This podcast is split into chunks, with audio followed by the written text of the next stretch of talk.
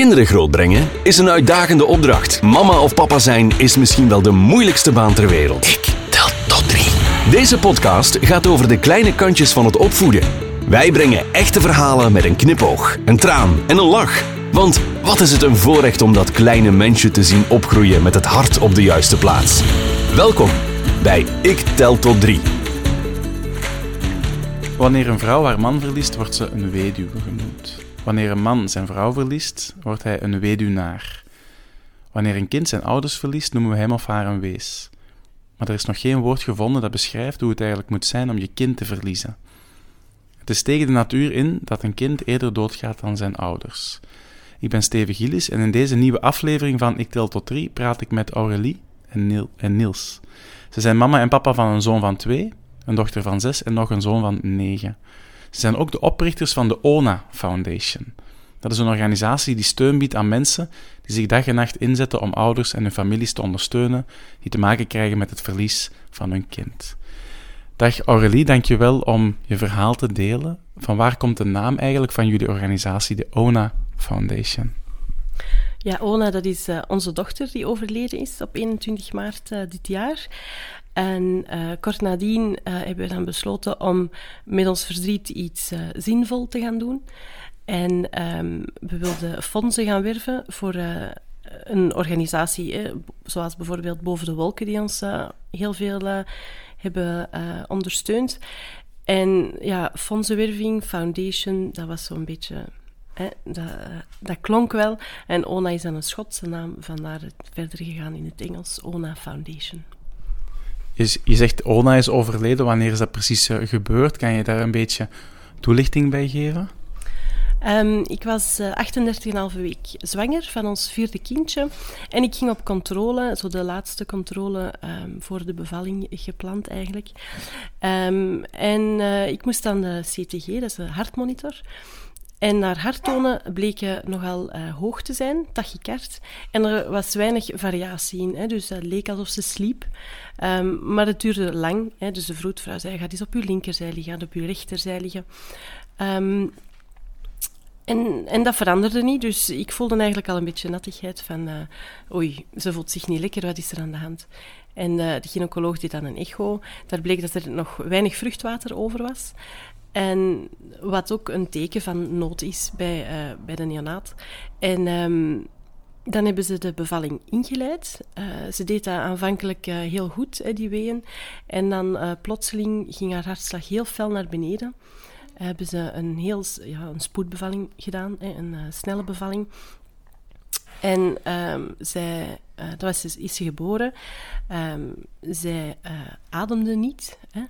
Hebben ze direct uh, de reanimatie gestart. Hebben ze een half uur gereanimeerd. Ze hebben alles gedaan wat ze konden en mochten. Um, maar ze is niet opgestart. Hè. Dus uh, ze was overleden een half uurtje na haar geboorte. Dat is een heel heftig verhaal. Um, ik vraag me af, hoe beleef je dat als, als mama? Uh, die, die, dat verdriet moet toch zo intens zijn op dat moment? Wat gaat er door je heen? Op welke manier ja, beleef je dat? Ervaar je dat moment? Um, je gelooft dat niet. Hè? Dus ik ben zelf uh, verpleegkundige. Ik werk op een ziekenwagendienst. Ik werk op een operatiekwartier. Dus ik was op die moment heel praktisch aan het denken. Uh, van, ik, ik, wist wie dat daar binnenkwamen. Dat waren collega's van mij. Ik dacht, oké, nu gaan ze dat doen, nu gaan ze dat doen. Um, dus het technische, of het medische gedeelte was voor mij eigenlijk heel duidelijk. Ik had daar geen vragen rond. Maar dan dat emotionele van hoe die ademt niet. Ja, nee, dat, dat kan niet. Toch? Nee. En dan, dan kijk je naar dat lichaampje. Uh, iedereen is met haar bezig. Je ziet die borstkas niet bewegen. Um, dan, dan gaat die intubatietube uh, in haar, uh, via haar neusje erin. En denkt van, ja, nu gaat ze die borstkas omhoog. Die borstkas die gaat omhoog, maar dat is natuurlijk door de ballonbeademing. En ik was maar aan het zeggen van, Niels, trekt foto's, trekt foto's. Um, en, en tegen Ona van, uh, kom aan zus, kom aan, doe maar verder, adem maar, het komt allemaal goed. En in mijzelf dacht je van, oh, die gaat hersenschade hebben, hè, want ja, die, dat heeft te lang geduurd voordat ze begint te ademen. Heel praktisch op die moment. En van ongeloof, van die, mijn opleiding vertelde me van, dat gaat hier totaal mis, dit is niet goed. Maar uw mama, uw gevoel, uw hart, zegt dan van... Kom aan, meid, subiet is dat wel in orde. Dat komt wel goed. En dan stopte ze met de reanimatie. En dan... Ja, ja, we kunnen niks meer doen. Ik zeg, ja, geef ze hier, geef ze aan mij. Ik denk, als ik ze vastpak bij mij en ik praat er tegen, dan komt dat wel goed. Ik verwachtte echt elke moment dat zo... Ja, zo dat snufje, pasgeborenen doen, dat is zo... Als die zo heel vast slapen, dat die zo ineens zo als snuffelend wakker worden. Ik verwachtte dat echt. En helemaal warm ingeduffeld van, kom maar meid. En dan heb je dat kind vast en, en dat doet niks. En dat is zo... Ja, abnormaal. Dat geloofde eigenlijk niet. Ik geloofde dat niet, nee. Heel veel ontkenning en, en ongeloof.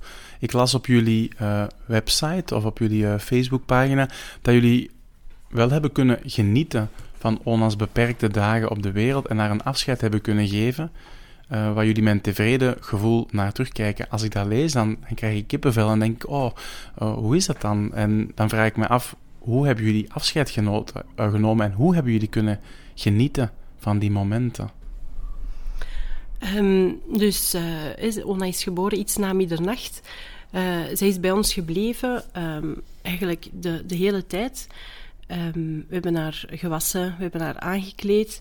Um, en bij ons gewoon vastgehouden, zoals je doet met een pasgeboren kind. En um, ja, dan smiddags uh, begrafenisondernemer uh, opgebeld. Die uh, is dan praktisch erdoor gegaan. En ze zeiden al, zouden we geen autopsie doen. Hè? Dan weten we, je hebt al drie gezonde kinderen, dan weten we wat er is gebeurd. Want het is, hè, we kunnen het niet verklaren vanuit alle gegevens die we nu hebben. Uh, en dan zei ze, ja, na de autopsie gaat ze wel hier moeten blijven. Dus wat stel ik mij dan voor? Een baby in een inoxe schuif, hè, uh, in een koelcel.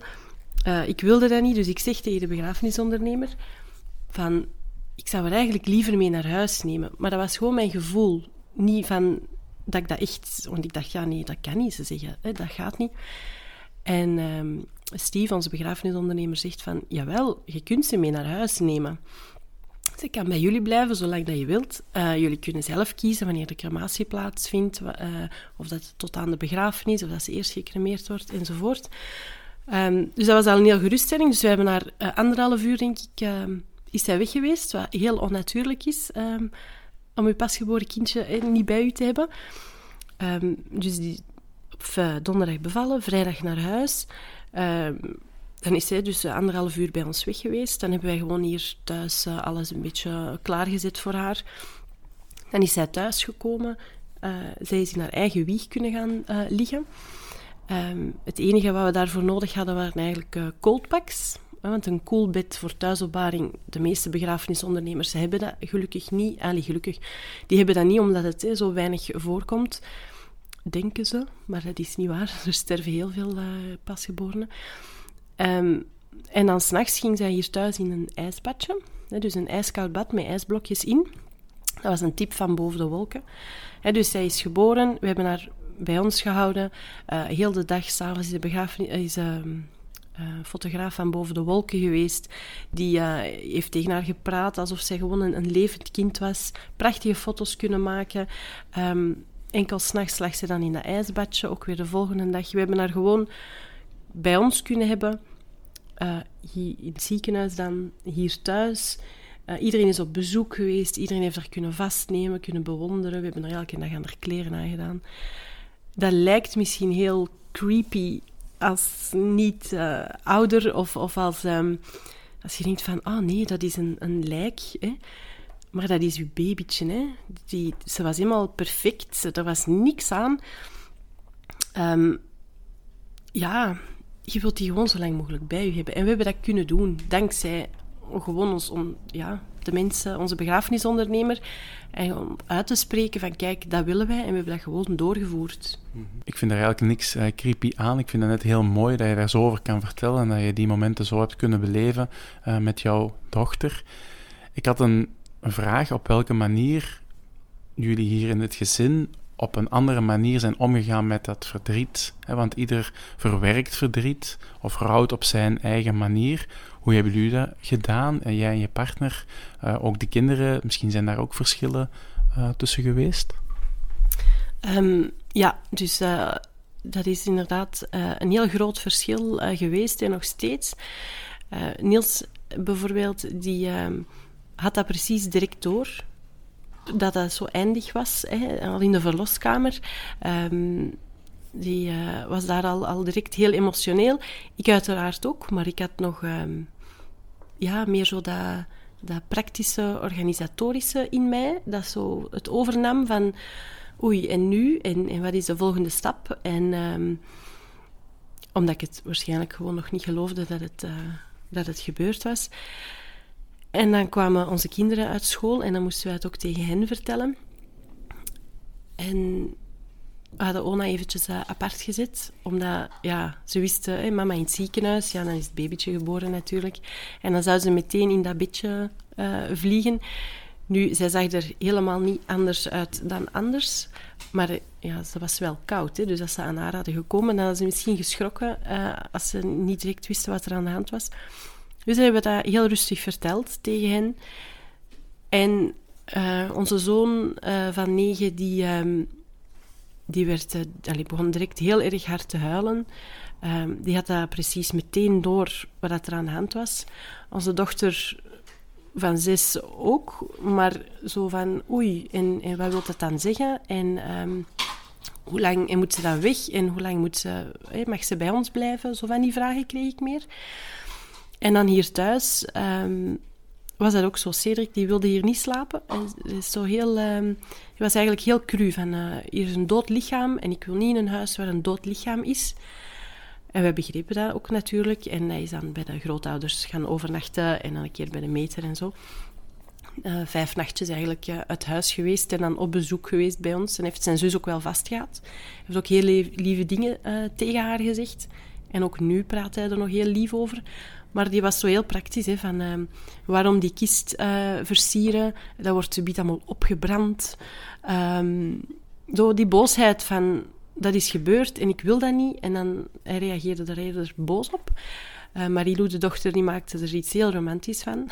Die heeft daar uh, uh, mee aangekleed. En ehm, van s morgens tot s avonds in haar buurt. Die wou overal bij zijn. En zo vragen van, oei, en krijg je dan eerst vleugeltjes voordat je op je wolkje stapt en naar de hemel vliegt? Of, of word je dan een vlinder? Of zo meer fantasie, hè?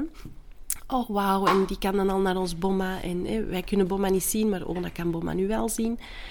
Dus um, die zitten zo meer in, in een fantasieverhaal. Ehm, um, um, ja, en, en nadien, we zijn nu zes maanden later, er wordt uiteraard nog dagelijks over haar gepraat. We beleven dat echt als gezin. Ze zijn ook overal bij geweest, ze zijn bij de crematie geweest. Um, ze hebben teksten voorgelezen in de kerk. Um, ze hebben alles mogen doen wat ze wilden doen. En nu, um, ik ook, ik, huil als ik alleen ben, s'avonds, als de rust er is. Af en toe val ik eens uit mijn rol in het publiek, maar meestal kan ik mij goed houden. Um, wij praten over haar, maar over de gevoelens die daarbij komen als koppel, dat is toch moeilijker. Dat kan ik beter um, bij bijvoorbeeld de huisarts of met een vriendin omdat als ik emotioneel word, dan wordt Niels ook emotioneel. En je wilt elkaar eigenlijk niet extra kwetsen. Hè? Dus je probeert zo... Um, het gevoelige stukje ervan probeerde eigenlijk zoveel mogelijk uit de weg te gaan. Ook als de kinderen hun emoties vertellen, dan blijf ik zelf... Allee, probeer ik uh, flink te blijven. Want anders gaan ze misschien niet meer durven vertellen, omdat ik elke keer ook begin te huilen. Um, dus ja, zo zo beleven wij dat. Iedereen op zijn eigen manier en dat is, dat is oké. Dat mag. Ja. Een echte zoektocht ook. Hè. Um, ik stel me de vraag, na het overlijden van Ona, hadden jullie toen bepaalde vragen? Zaten jullie met dingen ja, waar dat jullie aan dachten, ja, hoe gaat dat nu moeten? Of, of wat waren de vragen waar dat je mee zat? Um, eerst heb je natuurlijk dat ongeloof van, van wat is er gebeurd en hoe is dat mogelijk en, en hoe kunnen we nu uitzoeken wat, dat er, wat dat er is misgegaan. Dus je hebt die vragen um, die je nooit, volgens mij, die we nooit gaan kunnen um, beantwoorden, want uit geen enkel uh, resultaat is uh, iets gekomen waar we iets aan hadden. Hè. We hebben geen boosdoener kunnen vinden buiten moeder natuur, dat het gewoon zo is geweest. Maar je hebt ook heel veel praktische vragen, hè, want je kindje is dan geboren en hij komt op je kamer en dan, oké, en nu? Ehm, de vroedvrouwen ehm, weten heel veel, maar die informatie is ook niet altijd uh, correct, uh, blijkt nu. Omdat het um, gelukkig niet al te vaak in, in ons perifeer ziekenhuis uh, voorkomt. weet niet elke vroedvrouw exact hoe dat het zit bijvoorbeeld van, ja, en nu, wie zoekt er een begrafenisondernemer? Ja, de sociale dienst gaat dat voor u regelen. Wanneer komt de sociale dienst? Ja, dat weten we niet.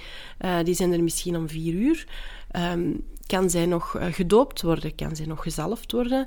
Um, en, enzovoort. Hè. Dus er, er is heel veel informatie, maar toch komt dat niet op een dienblaadje aan. En op die moment, ik, ik moet zeggen, ik was verrassend um, helder, vond ik.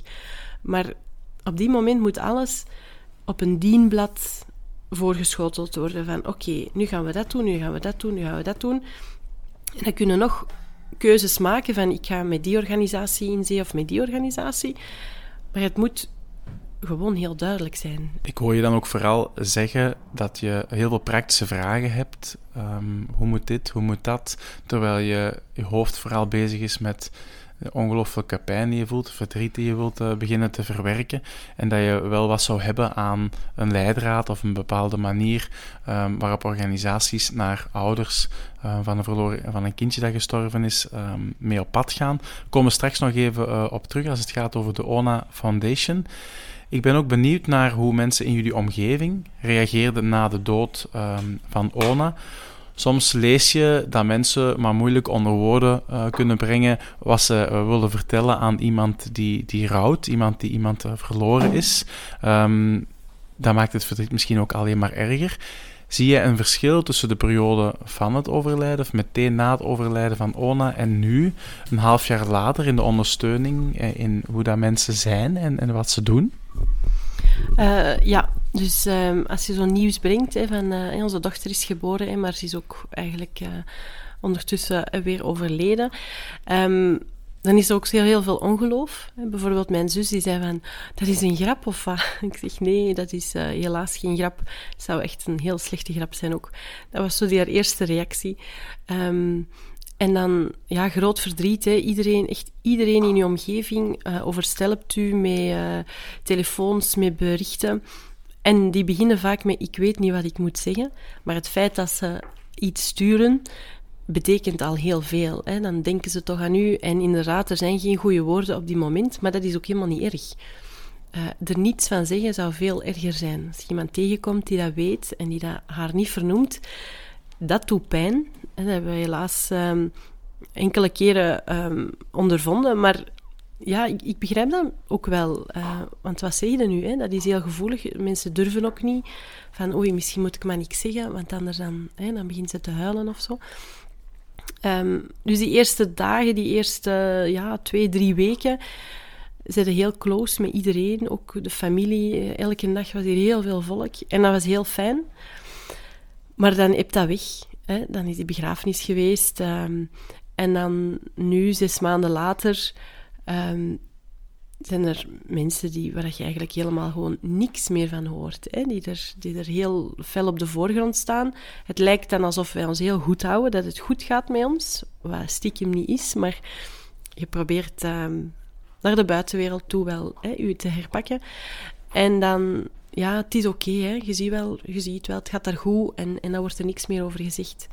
Um, en dan, uh, ja, dat, dat miste eigenlijk wel, want het is zo pas na twee, drie maanden dat het echt begint door te dringen wat er gebeurd is, dan, omdat de rust dan dus ook wederkeert. En dan zouden er eigenlijk mensen gewoon aan uw voordeur moeten staan. Want je krijgt een berichtje van, als er iets is, laat maar weten. En dat is super lief. Maar je, ja, je doet dat eigenlijk niet. Je, je gaat niet mensen s'nachts, als je al vier uur aan het rondlopen bent omdat je niet kunt slapen, ga je geen berichtjes sturen, want je wilt die mensen ook niet storen. Hè? Die moeten ook werken uh, de volgende ochtend.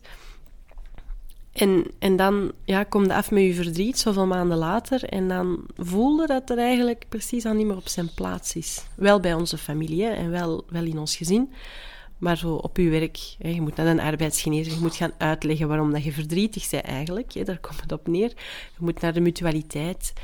Um, want ja, u werkt hè, uh, nog maar 50% van uw contract. Hè, um, u hebt een ziektegeval, zeggen ze dan. Nee, ik heb geen ziektegeval. Hè, mijn dochter is overleden. En dat, dat is normaal, dat is een, een administratieve uh, rompslomp waar je door moet. Maar dat voelt zo fout om elke keer te moeten vertellen waarom het niet goed gaat met u. En ja, ik, denk misschien dat dat vroeger opgevangen werd door uw dorp, door uw gemeenschap. Maar nu zijn we zo allemaal op onszelf dat het ergste is voorbij en er is nieuw nieuws. En, en ja, je moet maar verder gaan. Hè. Ik hoor dat je, dat je zegt, in het begin krijgen we veel ondersteuning en na een tijdje ebt dat weg en we zijn eigenlijk nog maar een half jaar uh, later. De ondersteuning die jullie wel hebben gekregen, van in het begin tot, tot nu, welke ondersteuning was dat en welke vorm van ondersteuning uh, kregen jullie allemaal? Um, dus uh, onze begrafenisondernemer heeft daar een grote rol in, in uh, gehad. Hij is ook na de begrafenis nog blijven contact hebben uh, met ons en vragen hoe het met ons gaat. Die heeft dat ook gezegd. Voor, de deur staat altijd open. Hè. Als jullie willen praten, kom gerust langs. Um, onze gynaecoloog die um, een bericht stuurt van, van hoe gaat het en, ik werk daar ook natuurlijk uh, mee samen op uh, het operatiekwartier. Dus de, beide gynaecologen die betrokken waren en de anesthesist, die zie ik eigenlijk elke dag ik ga werken. En dan krijg je een knipoog of een schouderklop en dat is zo van een, een, een, een deur die open staat. Hè. Dus dat weet je dan, dat is heel fijn. Onze kraamverzorgster is ook nog gebleven na de bevalling.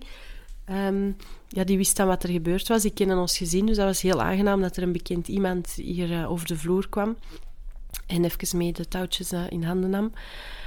Um, verder van ondersteuning. Um, ja, eigenlijk, uh, ja, je de sterrengroepen uh, op Facebook voor sterrenouders, waar je kunt tot toetreden. Maar eigenlijk is er niemand die ons is blijven opvolgen vanaf dat wij het ziekenhuis verlaten hebben. Dus er is geen, geen bepaalde organisatie of geen arts of geen therapeut eh, of gewoon iemand die dat na een aantal weken eens even contact opnam. Of... Je voelt dat je daar wel nood aan had? Ja, ik denk dat, omdat wij al wel wat mensen rond ons hadden, dat het voor ons redelijk oké was. Maar als ik nu mijn andere kinderen niet had gehad, dan had ik hier thuis gekomen, in mijn zetel beland en ik had er misschien niet meer uitgekomen. En er zou niemand daarop gesprongen zijn. Hè? En dat is wel jammer. Van, dat er niemand is die na, ja, u blijft opvolgen. Gewoon even van, hé, hey, ça va, um, zal ik eens langskomen?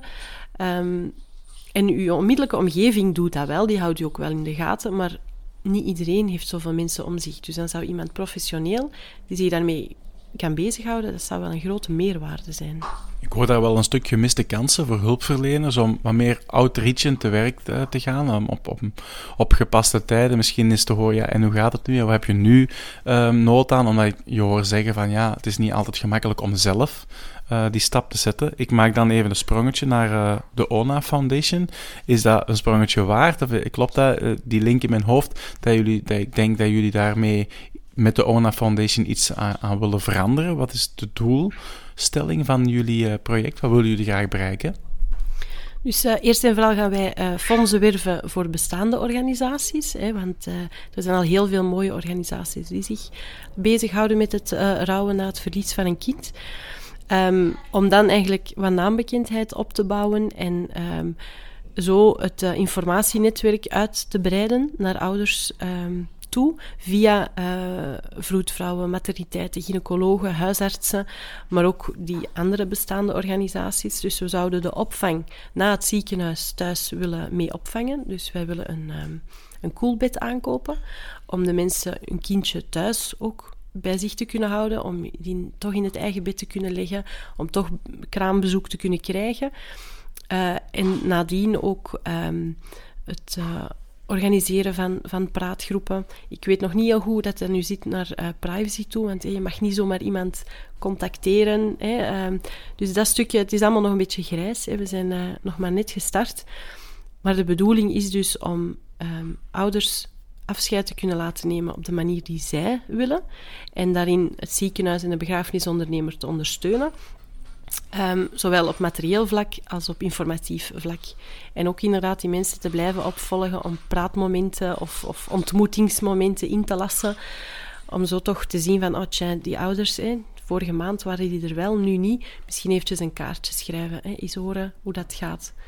Dat is, dat is onze missie. Dus het, het gaat al heel goed in de zorg ehm, bij het overlijden van een kind, maar volgens mij kan het nog altijd beter. Een hele nobele doelstelling, heel mooi, uh, krachtig verhaal dat jij ook hier uh, brengt. Hoe kunnen mensen in contact komen met de ONA Foundation of waar kunnen ze jullie vinden? We hebben voorlopig alleen nog maar een Facebookpagina.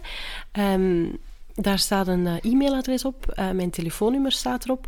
Dus mensen kunnen altijd een, bericht sturen als zij zelf een, een, VZ2 hebben, bijvoorbeeld, die daar hulp nodig heeft. Um, kunnen zij zich daar uh, aanmelden. Als er een ouder is die um, een luisterend oor nodig heeft of informatie nodig heeft, die kunnen mij altijd een sms'je sturen of, een, uh, of eventjes opbellen. Hè. Dat is uh, altijd mogelijk. Binnenkort gaan we een website lanceren en gaan we hier ook in de buurt, we zitten hier in Noord-Antwerpen, gaan we flyers rondbrengen, um, zodat mensen ja, onze naam gaan weten en dat we op die manier makkelijker te bereiken zijn. Oké, dankjewel voor je verhaal. De jongste zoon is hier aan het uh, spelen geslagen. Um, dankjewel voor je getuigenis. Zo zijn we aan het einde gekomen van onze uh, aflevering. Ik tel tot drie. Wat mag ik je nog wensen, Aurélie en uh, Niels? Um, dat wij onze sterretjes, onze overleden kinderen, dat we die nooit vergeten en dat we weten dat, we, dat wij willen zeggen aan ouders van we weten hoe verschrikkelijk dat het is en het is oké om niet oké te zijn.